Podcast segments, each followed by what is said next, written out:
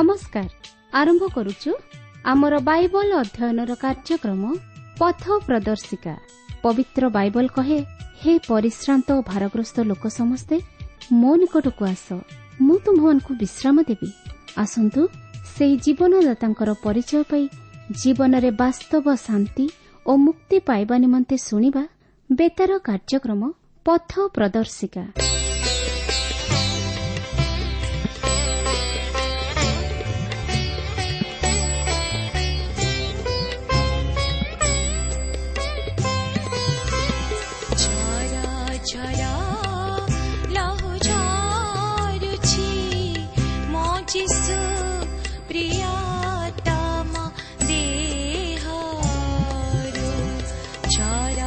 China.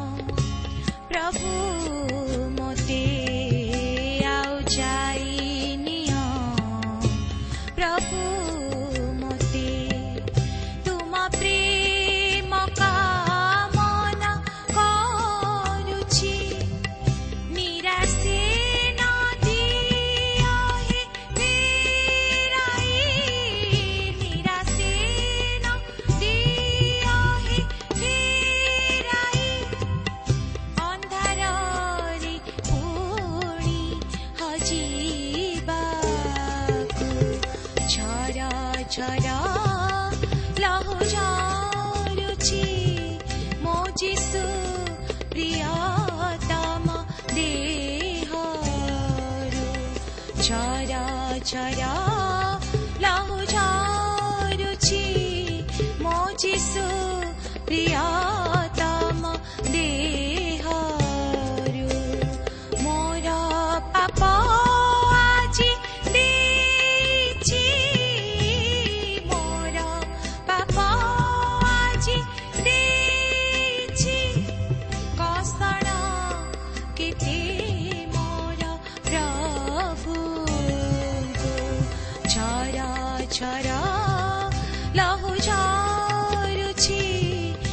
जिसु प्रियातम देह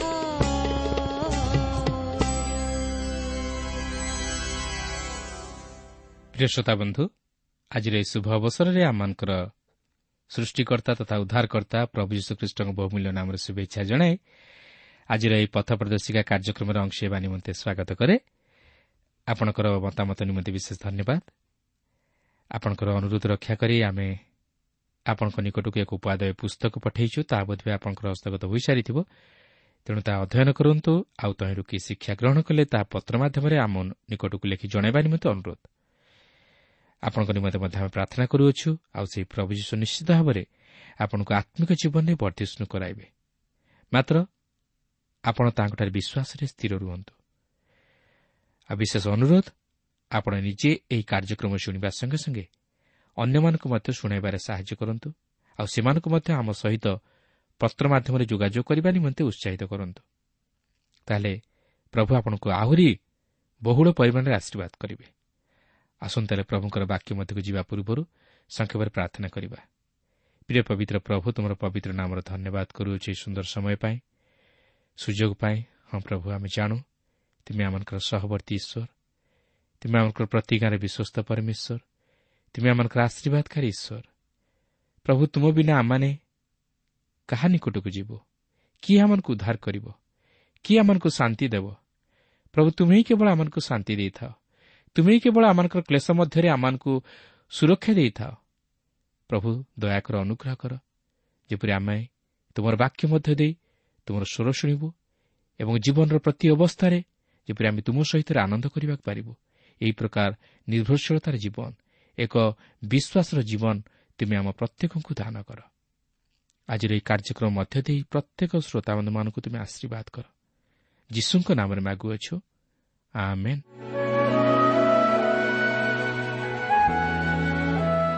ଆସନ୍ତୁ ବର୍ତ୍ତମାନ ଆମେ ପ୍ରଭୁଙ୍କର ବାକ୍ୟ ମଧ୍ୟକୁ ଯିବା। ଆଜି ଆମେ ରୋମିଓ ପାଞ୍ଚ ପର୍ବର ପାଞ୍ଚ ପଦରୁ ଆରମ୍ଭ କରି ଏଗାର ପଦ ପର୍ଯ୍ୟନ୍ତ ଅଧ୍ୟୟନ କରିବା ନିମନ୍ତେ ଯିବା। ତେବେ ମୋର ଅନୁରୋଧ ଆପଣ ଧୈର୍ଯ୍ୟର ସହିତ ଆରମ୍ଭରୁ ଶେଷ ପର୍ଯ୍ୟନ୍ତ ଏହି କାର୍ଯ୍ୟକ୍ରମ ଶୁଣନ୍ତୁ ତାହେଲେ ଆପଣ ଈଶ୍ୱରଙ୍କ ବାକ୍ୟ ମଧ୍ୟରୁ ଅନେକ ନିଗୁଢ଼ ବିଷୟମାନେ ଶିକ୍ଷା କରିବାକୁ ପାରିବେ ଓ ଆତ୍ମିକ ଜୀବନରେ ବିଶେଷ ଉପକୃତ ହୋଇପାରିବେ। ଆଜି ଆମେ ପବିତ୍ର ବାଇବଲ ମଧ୍ୟରୁ ଏହି ପାଞ୍ଚ ପର୍ବର ପାଞ୍ଚ ପଦଠାରୁ ଆରମ୍ଭ କରି ଏଗାର ପଦ ପର୍ଯ୍ୟନ୍ତ ଅଧ୍ୟୟନ କରିବାକୁ ଯିବା। ଏଠାରେ ମୁଁ ଆପଣଙ୍କୁ ସ୍ମରଣ କରାଇଦିଏ ଯେ ଗତ ପାଠରେ ଆମେ ପରିତ୍ରାଣର ଲାଭ ବିଷୟ ନେଇ ଅଧ୍ୟୟନ କରି ଆଲୋଚନା କରିଥିଲୁ। ଜଣେ ଖ୍ରୀଷ୍ଟ ବିଶ୍ୱାସୀ ପାପରୁ ଉଦ୍ଧାର ପାଇ ପରିତ୍ରାଣର ଅଧିକାରୀ ହେବା ପରେ ସେ ଯେଉଁ ସମସ୍ତ ଆତ୍ମିକ ଆଶୀର୍ବାଦ ସବୁର ଅଧିକାରୀ ହୁଏ ତାହା ଦେଖିଥିଲୁ। ସେ ଶାନ୍ତି ପାଏ ଓ ଈଶ୍ୱରଙ୍କ ସହଭାଗିତା ମଧ୍ୟରେ ପ୍ରବେଶ କରିବା ନିମନ୍ତେ ସୁଯୋଗ ପାଏ ଭରସା ପାଏ ଓ କ୍ଲେଶ ମଧ୍ୟରେ ଏକ ବିଜୟୀ ଜୀବନ ଯାପନ କରେ। କିନ୍ତୁ ଆଜି ଆମେ ଆଉ କେତେକ ଲାଭ ବିଷୟ ନେଇ ଅଧ୍ୟୟନ କରି ଆଲୋଚନା କରିବାକୁ ଯିବା। ଦେଖନ୍ତୁ ପାଞ୍ଚ ପର୍ବର ପାଞ୍ଚ ପଦରେ ଏହିପରି ଲେଖା ଅଛି ଆଉ ଭରସା ଲଜ୍ଜା ଦିଏ ନାହିଁ। କାରଣ ଆମ୍ଭମାନଙ୍କୁ ପ୍ରଦତ୍ତ ପବିତ୍ର ଆତ୍ମାଙ୍କ ଦ୍ୱାରା ଆମ୍ଭମାନଙ୍କ ହୃଦୟରେ ଈଶ୍ୱରଙ୍କ ପ୍ରେମ ପରିବ୍ୟାପ୍ତ ହୋଇଅଛି। ଏହା ହେଉଛି ପଞ୍ଚମ ଲାଭର ବିଷୟ ଯାହାକି ଜଣେ ପରିତ୍ରାଣ ପ୍ରାପ୍ତ ବ୍ୟକ୍ତି ତାହା ଲାଭ କରିଥାଏ। ଲେଖା ଅଛି ଆମ୍ଭମାନଙ୍କ ହୃଦୟରେ ଈଶ୍ୱରଙ୍କ ପ୍ରେମ ପରିବ୍ୟାପ୍ତ ହୋଇଅଛି। ଏହାର ଅର୍ଥ ନୁହେଁ ଈଶ୍ୱରଙ୍କ ପ୍ରତି ଆମମାନଙ୍କର ପ୍ରେମ। ମାତ୍ର ଈଶ୍ୱରଙ୍କ ପ୍ରେମ ଆମ୍ଭମାନଙ୍କ ପ୍ରତି ପ୍ରକାଶିତ ହୋଇଅଛି। ଆଉ ଏହି ପ୍ରେମ ପବିତ୍ର ଆତ୍ମାଙ୍କ ଦ୍ୱାରା ଆମ୍ଭମାନଙ୍କ ପ୍ରତି ପ୍ରକାଶିତ ହୋଇଅଛି ଯେ କି ଆମ୍ଭମାନଙ୍କ ପ୍ରତି ପ୍ରଦତ୍ତ ହୋଇଅଛନ୍ତି। ବାସ୍ତବରେ ପ୍ରକୃତ ଖ୍ରୀଷ୍ଟ ବିଶ୍ୱାସୀ ହିଁ ଈଶ୍ୱରଙ୍କର ପ୍ରେମକୁ ଉପଲବ୍ଧି କରିପାରିବ। ଯେଉଁ ପ୍ରେମ କି ସେ ଖ୍ରୀଷ୍ଟଙ୍କ ମାଧ୍ୟମରେ ପବିତ୍ର ଆତ୍ମାଙ୍କ ଦ୍ୱାରା ଆମମାନଙ୍କ ପ୍ରତି ପ୍ରକାଶ କରିଅଛନ୍ତି। ଈଶ୍ୱରଙ୍କର ପ୍ରେମ ଅସୀମ ଅକଥନୀୟ ଅବର୍ଣ୍ଣନୀୟ ଓ ନିଃସ୍ୱାର୍ଥପର ପ୍ରେମ। ସେହି ଈଶ୍ୱରୀୟ ପ୍ରେମ ଜଣେ ଖ୍ରୀଷ୍ଟ ବିଶ୍ୱାସୀ ହିଁ ଅନୁଭବ କରିପାରେ। ଏହାପରେ ଷଷ୍ଠ ଲାଭର ବିଷୟ ନେଇ ପ୍ରକାଶ କରାଯାଏ ଆଉ ତାହା ହେଉଛି ପବିତ୍ର ଆତ୍ମା। ଏହା ହେଉଛି ରୋମିଓ ମଣ୍ଡଳୀ ନିକଟକୁ ଲିଖିତ ପତ୍ର ମଧ୍ୟରେ ପ୍ରଥମ ଥର ନିମନ୍ତେ ପବିତ୍ର ଆତ୍ମାଙ୍କର କାର୍ଯ୍ୟ ବିଷୟ ନେଇ ଉଲ୍ଲେଖ ହୋଇଅଛି। ଏହି ଜଗତରେ ବର୍ତ୍ତମାନର ଲାଭ ବିଷୟ ନେଇ ପବିତ୍ର ଆତ୍ମାଙ୍କୁ ଦର୍ଶାଇବା କେବଳ ଏକମାତ୍ର ନମୁନା। କିନ୍ତୁ ଏହାପରେ ଆମେ ଏହି ରୋମିଓ ଆଠ ପର୍ବରେ ପ୍ରାୟ କୋଡ଼ିଏ ଥର ଏହି ପବିତ୍ର ଆତ୍ମାଙ୍କ ବିଷୟ ନେଇ ଉଲ୍ଲେଖ ହୋଇଥିବାର ଆମେ ଲକ୍ଷ୍ୟ କରିବାକୁ ଯିବା।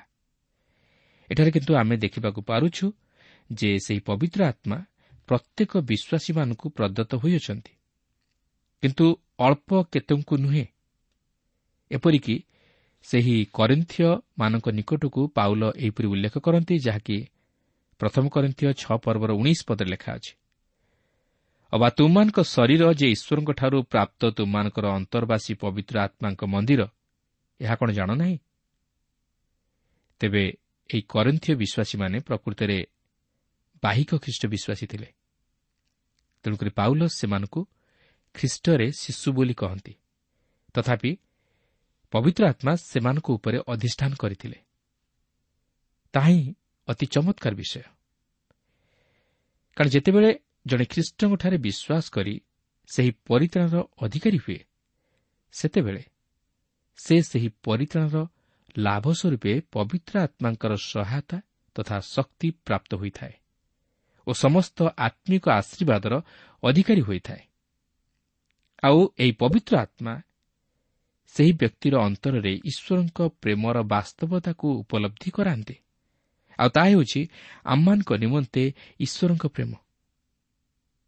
ଆଜି ଆମେ ଜାଣି ରଖିବା ଉଚିତ ଯେ ଈଶ୍ୱର ଆମକୁ ପ୍ରେମ କରନ୍ତି। ଆଜି ଅନେକ ତାହା ବୁଝିପାରନ୍ତି ନାହିଁ କି ଉପଲବ୍ଧି କରିପାରନ୍ତି ନାହିଁ। କାରଣ ସେମାନେ ପରିତ୍ରାଣର ଅନୁଭୂତି ଲାଭ କରିନାହାନ୍ତି କାରଣ ଏହି ପ୍ରେମ କେବଳ ଜଣେ ବିଶ୍ୱାସୀର ହୃଦୟରେ ପବିତ୍ର ଆତ୍ମା ବାସ୍ତବରେ ପରିଣତ କରାନ୍ତି। ବର୍ତ୍ତମାନ ଲକ୍ଷ୍ୟ କରନ୍ତୁ ପାଉଲ କିପରି ଈଶ୍ୱରଙ୍କ ପ୍ରେମକୁ ବୁଝାଇ ଦିଅନ୍ତି। ଦେଖନ୍ତୁ ପାଞ୍ଚ ପର୍ବର ଛଅ ପଦରେ ଲେଖା ଅଛି। କାରଣ ଯେତେବେଳେ ଆମ୍ଭେମାନେ ନିରୁପାୟ ଥିଲୁ ସେତେବେଳେ ଖ୍ରୀଷ୍ଟ ଉପଯୁକ୍ତ ସମୟରେ ଅଧାର୍ମିକମାନଙ୍କ ନିମନ୍ତେ ମୃତ୍ୟୁଭୋଗ କଲେ। ଖ୍ରୀଷ୍ଟ ଅପରାଧୀମାନଙ୍କ ବା ଅଧାର୍ମିକମାନଙ୍କ ନିମନ୍ତେ ମୃତ୍ୟୁଭୋଗ କଲେ। କିନ୍ତୁ ଉତ୍ତମ ତଥା ଧାର୍ମିକ ଲୋକମାନଙ୍କ ନିମନ୍ତେ ନୁହେଁ କିନ୍ତୁ ଅଧାର୍ମିକମାନଙ୍କ ନିମନ୍ତେ। ଯେଉଁମାନେ କି ପ୍ରକୃତରେ ତାହାଙ୍କର ଶତ୍ରୁ ଥିଲେ ଓ ତାହାଙ୍କୁ ଘୃଣା କରୁଥିଲେ।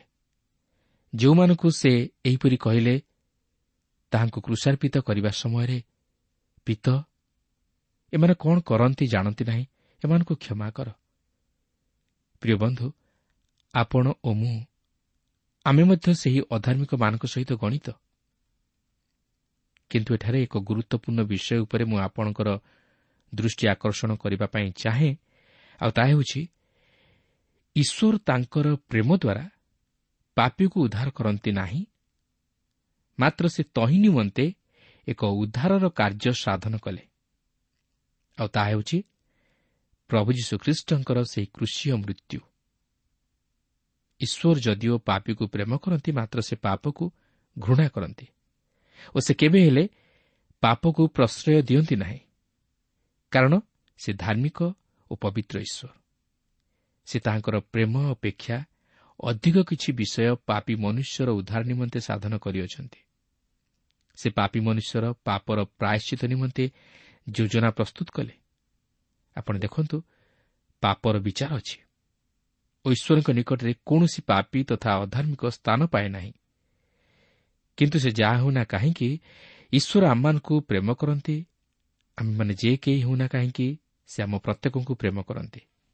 ସେ ଚାହାନ୍ତି ନାହିଁ ଆମେ ଯେପରି ପାପରେ ବିନଷ୍ଟ ହେଉ ଆଉ ସେ ଆମକୁ ପ୍ରେମ କରନ୍ତି।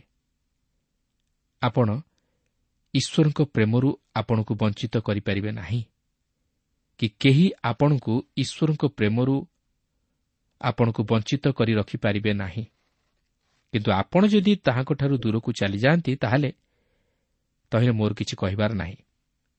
ଆପଣ ଯଦି ପାପରି ଜୀବନ ଅତିବାହିତ କରି ଈଶ୍ୱରଙ୍କଠାରୁ ଦୂରବର୍ତ୍ତୀ ଜୀବନଯାପନ କରନ୍ତି ଓ ଈଶ୍ୱରଙ୍କର ନିକଟବର୍ତ୍ତୀ ହେବାକୁ ଇଚ୍ଛା କରନ୍ତି ନାହିଁ ତାହେଲେ ଆପଣ ଈଶ୍ୱରଙ୍କ ପ୍ରେମରେ ବାଧା ପହଞ୍ଚାଇବେ ଓ ଈଶ୍ୱରଙ୍କ ପ୍ରେମରୁ ବଞ୍ଚିତ ହେବେ। ଉଦାହରଣ ସ୍ୱରୂପ ଦେଖନ୍ତୁ ଆପଣ କେବେ ହେଲେ ସୂର୍ଯ୍ୟ ରଶ୍ମିକୁ ବନ୍ଦ କରିପାରିବେ ନାହିଁ ବା ତାହାର ପ୍ରତିରୋଧ କରିପାରିବେ ନାହିଁ। ମାତ୍ର ଆପଣ ସେହି ସୂର୍ଯ୍ୟ ରଶ୍ମି ମଧ୍ୟରୁ ବାହାରି ଯାଇପାରନ୍ତି। ଯଦିଓ ଏହି ସମସ୍ତ ବିଷୟ ଈଶ୍ୱରଙ୍କ ପ୍ରେମରୁ ଆପଣଙ୍କୁ ଦୂରକୁ ନେଇଯାଏ ମାତ୍ର ତଥାପି ଈଶ୍ୱର ଆପଣଙ୍କୁ ପ୍ରେମ କରନ୍ତି। ତାଙ୍କର ପ୍ରେମ ଆପଣଙ୍କ ପ୍ରତି ସଦାସର୍ବଦା ରହିଅଛି। କିନ୍ତୁ ଆପଣ ଯଦି ତହିଁରେ ପଦାଘାତ କରନ୍ତି ତାହେଲେ ଆପଣ ଖ୍ରୀଷ୍ଟଙ୍କୁ ପଦାଘାତ କରନ୍ତି। ତାହାଙ୍କର ସେହି ଉଦ୍ଧାରର ପ୍ରେମରେ ପଦାଘାତ କରନ୍ତି। ତାହେଲେ ଆପଣ କିପରି ଭାବେ ଉଦ୍ଧାର ପାଇବେ? ବା ଈଶ୍ୱରଙ୍କ ପ୍ରେମକୁ ଉପଲବ୍ଧି କରିପାରିବେ? ଏହା କେବେ ହେଲେ ସମ୍ଭବ ନୁହେଁ କାରଣ ଈଶ୍ୱର ଯଦିଓ ତାହାଙ୍କର ପ୍ରେମରେ ଆମମାନଙ୍କୁ ଉଦ୍ଧାର କରନ୍ତି ନାହିଁ ମାତ୍ର ତାହାଙ୍କର ଅନୁଗ୍ରହରେ ସେ ଆମମାନଙ୍କୁ ଉଦ୍ଧାର କରନ୍ତି କିନ୍ତୁ ଏହି ସମସ୍ତ ପଛରେ ତାହାଙ୍କର ଅସୀମ ପ୍ରେମ ହିଁ ପ୍ରକାଶିତ ହୁଏ ସେଥିପାଇଁ ଏଫିସିଓ ଦୁଇ ପର୍ବର ଆଠ ପଦରେ ଲେଖା ଅଛି କାରଣ ଅନୁଗ୍ରହରେ ବିଶ୍ୱାସ ଦ୍ୱାରା ତୁମେମାନେ ପରିତ୍ରାଣ ପାଇଅଛ ତାହା ତୁମାନଙ୍କ ନିଜଠାରୁ ହୋଇନାହିଁ ତାହା ଈଶ୍ୱରଙ୍କର ଦାନ। କ୍ରିୟାକର୍ମରୁ ନୁହେଁ ଯେପରି କେହି ଦର୍ପ ନ କରେ। ତେଣୁ ଈଶ୍ୱର ଆମମାନଙ୍କୁ ତାହାଙ୍କ ଅନୁଗ୍ରହରେ ଉଦ୍ଧାର କରିଅଛନ୍ତି କିନ୍ତୁ ତାହାଙ୍କ ପ୍ରେମରେ ନୁହେଁ। କିନ୍ତୁ ଲେଖା ଅଛି ଈଶ୍ୱର ଜଗତକୁ ଏଡ଼େ ପ୍ରେମ କଲେ ଯେ ସେ ଆପଣା ଅଦ୍ୱିତୀୟ ପୁତ୍ରଙ୍କୁ ଦାନ କଲେ। ମାତ୍ର ଲେଖାଯାଇ ନାହିଁ ଈଶ୍ୱର ଜଗତକୁ ଏଡ଼େ ପ୍ରେମ କଲେ ଯେ ସେ ଜଗତକୁ ଉଦ୍ଧାର କଲେ। ମାତ୍ର ସେ ସେହି ଉଦ୍ଧାର ନିମନ୍ତେ କିଛି ସାଧନ କଲେ। ଯେହେତୁ ସେ ନ୍ୟାୟ ବିଚାରକର୍ତ୍ତା ଓ ସତ୍ୟ ପରମେଶ୍ୱର ଓ ପବିତ୍ର ଈଶ୍ୱର। ସେ ପ୍ରେମମୟ ଈଶ୍ୱର ହୋଇଥିବାରୁ ଖ୍ରୀଷ୍ଟଙ୍କ ମାଧ୍ୟମରେ ତାହାଙ୍କର ଅସୀମ ପ୍ରେମ ପାପୀ ମନୁଷ୍ୟ ପ୍ରତି ପ୍ରକାଶ କରି ତାହାକୁ ଉଦ୍ଧାର କଲେ। ସେ ଖ୍ରୀଷ୍ଟଙ୍କୁ ଆମମାନଙ୍କ ନିମନ୍ତେ ପଠାଇଲେ ଯେ କି ଆମମାନଙ୍କ ନିମନ୍ତେ ମୃତ୍ୟୁଭୋଗ କଲେ। ସେ ଆମମାନଙ୍କର ପାପ ଋଣ ପରିଶୋଧ କଲେ ଓ ସେହି ଖ୍ରୀଷ୍ଟଙ୍କ ମଧ୍ୟ ଦେଇ ଆମ୍ଭମାନଙ୍କୁ ପବିତ୍ର ଈଶ୍ୱରଙ୍କର ସହଭାଗୀ କରାଇଲେ ଓ ସେହି ଖ୍ରୀଷ୍ଟଙ୍କ ମଧ୍ୟ ଦେଇ ଆମମାନଙ୍କର ପବିତ୍ର ଈଶ୍ୱର ଆମମାନଙ୍କୁ ଉଦ୍ଧାର କରନ୍ତି। ଆମର ନିଜର ପଥରେ ନୁହେଁ ମାତ୍ର ତାହାଙ୍କର ଉଦ୍ଧାରର ମାର୍ଗରେ ଗଲେ ଆମେମାନେ ପରିତ୍ରାଣର ଅଧିକାରୀ ହୋଇପାରିବା ଓ ଈଶ୍ୱରଙ୍କ ପ୍ରେମର ଗଭୀରତାକୁ ଉପଲବ୍ଧି କରିପାରିବା। ସେଥିପାଇଁ ପ୍ରଭୁ ଯୀଶୁ କହନ୍ତି ମୁଁ ପଥ ସତ୍ୟ ଓ ଜୀବନ। ମୋ ଦେଇ ନ ଗଲେ କେହି ପିତାଙ୍କ ନିକଟକୁ ଯାଇପାରେ ନାହିଁ। ଈଶ୍ୱର ଏକ ଓ ତାହାଙ୍କର ଉଦ୍ଧାରର ପଥ ମଧ୍ୟ ଏକ। ବର୍ତ୍ତମାନ ଲକ୍ଷ୍ୟ କରିବେ ପାଉଲ ଆଉ କ'ଣ କହନ୍ତି? ପାଞ୍ଚ ପର୍ବର ସାତ ପଦରେ ଲେଖା ଅଛି ଧାର୍ମିକ ଲୋକ ନିମନ୍ତେ ପ୍ରାୟ କେହି ମୃତ୍ୟୁଭୋଗ କରିବ ନାହିଁ। ଉତ୍ତମ ଲୋକ ନିମନ୍ତେ ଅବା କେହି ପ୍ରାଣ ଦେବାକୁ ସାହସ କରିପାରେ ଏହି ଜଗତରେ କେହି ସେପରି ଅଛି ଯେ କି ଆପଣଙ୍କ ନିମନ୍ତେ ମୃତ୍ୟୁଭୋଗ କରିବ? କେହି ସେପରି ଅଛି ଯେ କି ଆପଣଙ୍କୁ ପ୍ରେମ କରୁଥିବାରୁ ଆପଣଙ୍କ ନିମନ୍ତେ ମରିବା ପାଇଁ ପ୍ରସ୍ତୁତ ହେବ? କିନ୍ତୁ ଆପଣ ଜଣକ ବିଷୟ ନେଇ କହିପାରିବେ ଯେ ହଁ ସେ ମୋତେ ପ୍ରେମ କରନ୍ତି ଓ ମୋ ପାଇଁ ଆପଣାର ପ୍ରାଣ ଦେଇଛନ୍ତି। ଆଉ ସେ ହେଉଛନ୍ତି ପ୍ରଭୁ ଯୀଶୁଖ୍ରୀଷ୍ଟ। ପ୍ରିୟ ବନ୍ଧୁ ଆଜି ପ୍ରତ୍ୟେକ ଧାର୍ମିକ ବ୍ୟକ୍ତିଙ୍କୁ ପସନ୍ଦ କରନ୍ତି। ମାତ୍ର ପାପି ତଥା ଅଧାର୍ମିକକୁ ଘୃଣା କରନ୍ତି। କିନ୍ତୁ ଈଶ୍ୱର ଯଦି ସେହିପରି ବିଚାର କରିଥାନ୍ତେ ତାହେଲେ ଆମେ କିପରି ରକ୍ଷା ପାଇଥାନ୍ତୁ? କାରଣ ତାହାଙ୍କ ଦୃଷ୍ଟିରେ ଧାର୍ମିକ କେହି ନାହିଁ ନା ଜଣେ ସୁଦ୍ଧା ନାହିଁ। କିନ୍ତୁ ଧନ୍ୟ ସେହି ଈଶ୍ୱର ଯେ କି ପାପିକୁ ପ୍ରେମ କରନ୍ତି ଓ ତାହାର ଉଦ୍ଧାର ନିମନ୍ତେ ଆପଣାର ପ୍ରିୟ ପୁତ୍ର ପ୍ରଭୁ ଯୀଶୁଖ୍ରୀଷ୍ଟଙ୍କୁ ଦାନ କରିଅଛନ୍ତି। ତାହାଙ୍କର ପ୍ରେମକୁ କିଏ କଳିପାରେ ପାଞ୍ଚ ପର୍ବର ଆଠ ପଦରେ ଲେଖା ଅଛି କିନ୍ତୁ ଆମ୍ଭେମାନେ ପାପି ଥିବା ସମୟରେ ସୁଦ୍ଧା ଖ୍ରୀଷ୍ଟ ଯେ ଆମମାନଙ୍କ ନିମନ୍ତେ ମୃତ୍ୟୁଭୋଗ କଲେ ସେଥିରେ ଈଶ୍ୱର ଆମ୍ଭମାନଙ୍କ ପ୍ରତି ଆପଣା ପ୍ରେମ ସପ୍ରମାଣ କରୁଅଛନ୍ତି। ଈଶ୍ୱର ତାଙ୍କର ପ୍ରେମ ଖ୍ରୀଷ୍ଟଙ୍କ ମଧ୍ୟ ଦେଇ ଏହି ଜଗତ ପ୍ରତି ପ୍ରକାଶ କଲେ। ଯେ କି ଆମମାନଙ୍କର ପାପ ନିମନ୍ତେ ମୃତ୍ୟୁଭୋଗ କଲେ ଓ ସେ ଆଜି ମଧ୍ୟ ଆପଣଙ୍କୁ ଉଦ୍ଧାର କରିବା ନିମନ୍ତେ ପ୍ରସ୍ତୁତ। ପାଞ୍ଚ ପର୍ବର ନଅ ପଦରେ ଲେଖା ଅଛି ଅତେବ ଏହା ଆହୁରି ସୁନିଶ୍ଚିତ ଯେ ଆମ୍ଭେମାନେ ଏବେ ତାହାଙ୍କ ରକ୍ତ ଦ୍ୱାରା ଧାର୍ମିକ ଗଣିତ ହେବାରୁ ତାହାଙ୍କ ଦ୍ୱାରା ଈଶ୍ୱରଙ୍କ କ୍ରୋଧରୁ ରକ୍ଷା ପାଇବା। ପ୍ରିୟ ବନ୍ଧୁ ଏଠାରେ ଈଶ୍ୱରଙ୍କ କ୍ରୋଧ ବିଷୟ ନେଇ ଯାହା ପ୍ରକାଶ କରାଯାଇଅଛି ସେହି କ୍ରୋଧ ବିଷୟ ନେଇ ମାଓବାଦୀମାନେ ଏହିପରି ପ୍ରକାଶ କରନ୍ତି ଯାହାକି ସିଫୋନିୟ ପ୍ରଥମ ପର୍ବର ପନ୍ଦର ପଦରେ ଲେଖା ଅଛି ସେହିଦିନ କ୍ରୋଧର ଦିନ ସଙ୍କଟ ଓ କ୍ଲେଶର ଦିନ ଉଜାଡ଼ ଓ ସର୍ବନାଶର ଦିନ ଅନ୍ଧକାର ଓ ଘୋର ତିମିର ଦିନ ମେଘ ଓ ନିବିଡ଼ ଅନ୍ଧକାର ଦିନ। ତେବେ ସେହି ମହାକ୍ରୋଧର ଦିନ କ'ଣ? ଏହା ହେଉଛି ସେହି ଦିନ ଯାହାକୁ ପ୍ରଭୁ ଯୀଶୁ କହନ୍ତି ମହାକ୍ଲେଶର ଦିନ। ଆଉ ପାଉଲ ବିଶ୍ୱାସୀମାନଙ୍କୁ କହନ୍ତି ଆମ୍ଭେମାନେ ସେହି କ୍ରୋଧରୁ ରକ୍ଷା ପାଇବା। ଆମ୍ଭେମାନେ ପାପର ଦଣ୍ଡରୁ ଉଦ୍ଧାର ପାଇଅଛୁ।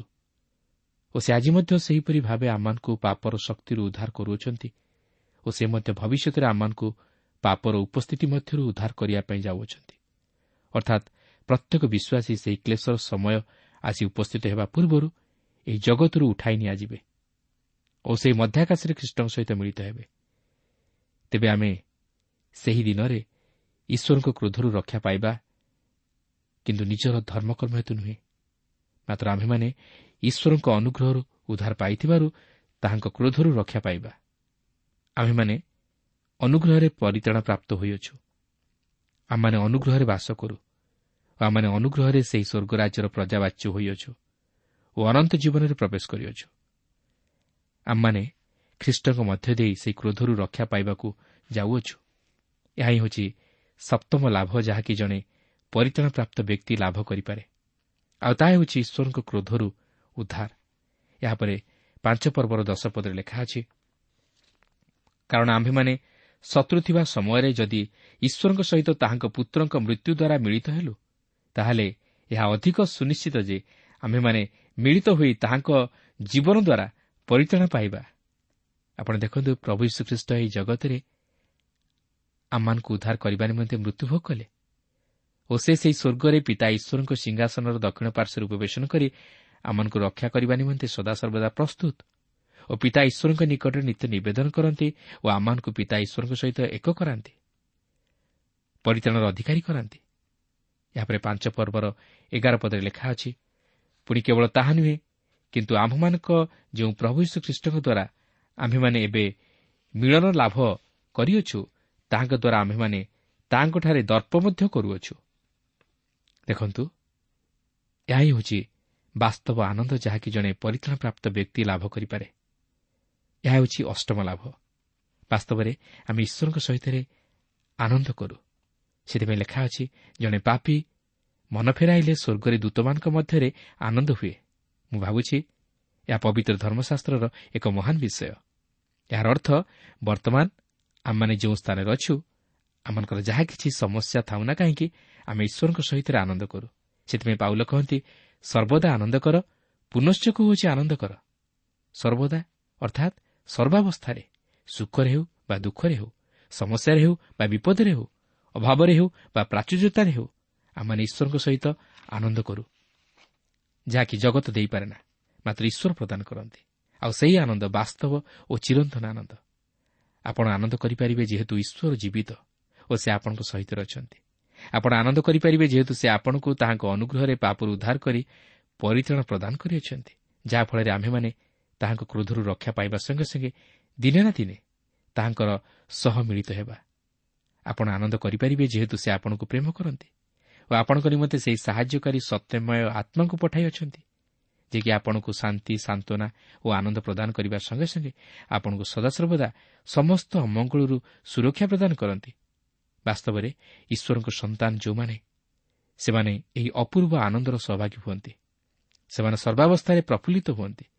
ସେମାନଙ୍କୁ ଏହି ଆନନ୍ଦରୁ କେହି ବଞ୍ଚିତ କରିପାରେ ନାହିଁ। ତେଣୁ ଆସୁ ଯଦି ଆମମାନଙ୍କ ଜୀବନରେ ଆମମାନେ ଏହି ସମସ୍ତ ଲାଭ ପାଇନାହୁଁ ତାହେଲେ ସେହି ପ୍ରଭୁ ଯୀଶୁଖ୍ରୀଷ୍ଟଙ୍କଠାରେ ବିଶ୍ୱାସ କରି ଓ ତାହା ଗ୍ରହଣ କରି ପାପରୁ ଉଦ୍ଧାର ପାଇ ପରିତାଣର ଅଧିକାରୀ ହେବାକୁ ଚେଷ୍ଟା କରୁ ତାହେଲେ ଆମେ ସେହି ଆତ୍ମିକ ଆଶୀର୍ବାଦ ସବୁର ଅଧିକାରୀ ହୋଇପାରିବା। ଆମମାନଙ୍କର ଜୀବନ ଏକ ଉଚ୍ଛଳ ଆନନ୍ଦରେ ଭରିଯିବ ଏକ ଅପୂର୍ବ ଶାନ୍ତି ମଧ୍ୟ ଲାଭ କରିବା। ଆମମାନଙ୍କ ମନରୁ ସମସ୍ତ ଭୟ ମଧ୍ୟ ଦୂର ହୋଇଯିବ। ଆମମାନଙ୍କର ନିରାଶାର ଜୀବନରେ ଆଶାର ସଞ୍ଚାର ହେବ। ଆମମାନଙ୍କର ଭବିଷ୍ୟତ ଉଜ୍ଜଳମୟ ହେବ। ଆମେ କୌଣସି ବିଷୟରେ ବ୍ୟତିବ୍ୟସ୍ତ ହେବା ନାହିଁ। ମାତ୍ର ସବୁ ଅବସ୍ଥାରେ ଧୈର୍ଯ୍ୟର ସହିତ ସମସ୍ତ ବିଷୟର ମୁକାବିଲା କରିପାରିବା। କାରଣ ଆମେ ନୁହେଁ ମାତ୍ର ଈଶ୍ୱରଙ୍କ ଉପସ୍ଥିତି ତଥା ଅନୁଗ୍ରହ ଆମମାନଙ୍କର ସହବର୍ତ୍ତୀ ହେବ ଓ ଆମମାନଙ୍କୁ ଏକ ବିଜୟର ପଥରେ କଢ଼ାଇ ନେବ ଓ ଏହି ଜଗତରେ ଥାଉଁ ଥାଉଁ ଆମେ ସେହି ସ୍ୱର୍ଗୀୟ ଶାନ୍ତି ଆନନ୍ଦ ଓ ପୂର୍ଣ୍ଣତା ତଥା ଅନନ୍ତ ଜୀବନର ଅନୁଭୂତି ଲାଭ କରିପାରିବା ଓ ଏହି ଜଗତରେ ଏକ ବିଜୟୀ ଜୀବନ ଯାପନ କରିପାରିବା। କ'ଣ? ଆମେ ତାହା ଚାହୁଁନାହୁଁ କି? ନିଶ୍ଚୟ। ମାତ୍ର ଆଉ ହେଳା କାହିଁକି? ଆଜି ହିଁ ତାହା କରିବା। ଓ ଈଶ୍ୱରଙ୍କର ସେହି ଅଯାଚିତ ଆତ୍ମିକ ଆଶୀର୍ବାଦ ସବୁକୁ ଅଧିକାର କରିବା। ଈଶ୍ୱର ସବୁକିଛି ଆମମାନଙ୍କୁ ଦେବା ନିମନ୍ତେ ପ୍ରତିଜ୍ଞା କରିଅଛନ୍ତି ଓ ଦେଇଅଛନ୍ତି ମଧ୍ୟ। ମାତ୍ର ଆମେ ତାହାକୁ ଗ୍ରହଣ କରିବା ନିମନ୍ତେ ପ୍ରସ୍ତୁତ ହେବା ଉଚିତ। ଆମେ ବିଶ୍ୱାସର ସହିତ ତାହା ଅଧିକାର କରିବା ଉଚିତ। ଏଥିନିମନ୍ତେ ଆପଣଙ୍କର କ୍ରିୟାକର୍ମ ନୁହେଁ ମାତ୍ର ଏକ ଦୃଢ଼ ବିଶ୍ୱାସ ଆବଶ୍ୟକ। ଆଉ ସେହି ବିଶ୍ୱାସ ଖ୍ରୀଷ୍ଟଙ୍କଠାରେ ରହିବା ଆବଶ୍ୟକ। କାରଣ ଈଶ୍ୱର ସେହି ଖ୍ରୀଷ୍ଟଙ୍କ ମାଧ୍ୟମରେ ସମସ୍ତ ଆତ୍ମିକ ଆଶୀର୍ବାଦ ଆମମାନଙ୍କ ପ୍ରତି ବର୍ତ୍ତାଇ ଅଛନ୍ତି। ମାତ୍ର ସେ ଚାହାନ୍ତି ଆମମାନଙ୍କର ବିଶ୍ୱାସ। ପ୍ରଭୁ ପ୍ରତ୍ୟେକଙ୍କୁ ଏହି ସଂକ୍ଷିପ୍ତ ଆଲୋଚନା ମଧ୍ୟ ଦେଇ ଆଶୀର୍ବାଦ କରନ୍ତୁ।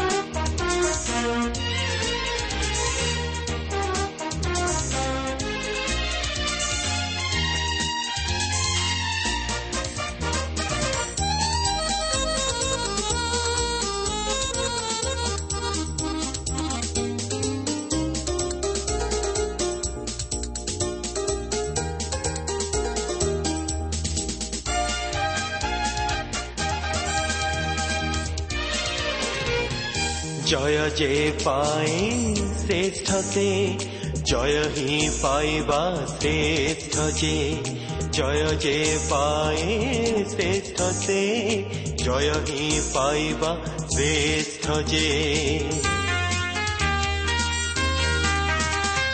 ত্যাগ করিছ আদ্য প্রেম জাণ তুমি পাপি মন ফেরা।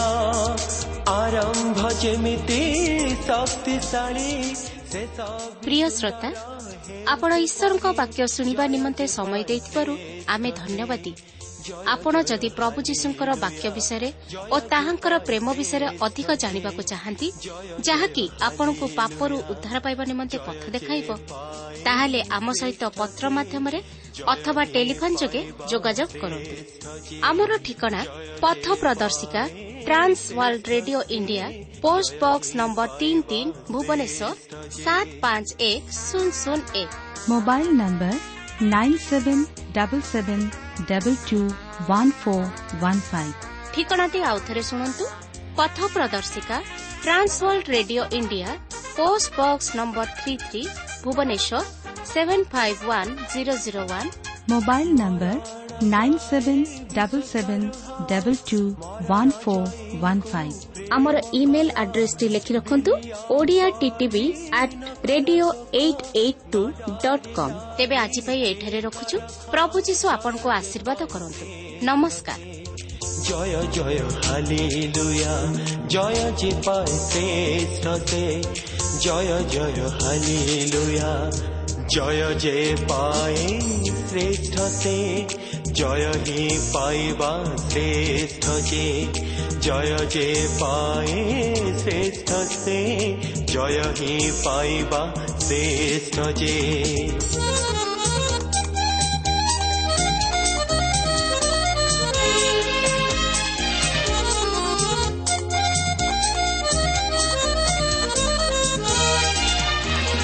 जिजे बल परे न सहुना रोगो सचारे पड़ना যিশুঙ্কর রক্তে শুচি হুয়া তেবে যাই পাইব মহানন্দ জয় যে পায় শ্রেষ্ঠতে জয় জয় হালেলুয়া জয় যে পায় শ্রেষ্ঠতে জয় জয় হালেলুয়া জয় যে পায় শ্রেষ্ঠতে জয় হি পাইবা শ্রেষ্ঠ যে জয় যে পায়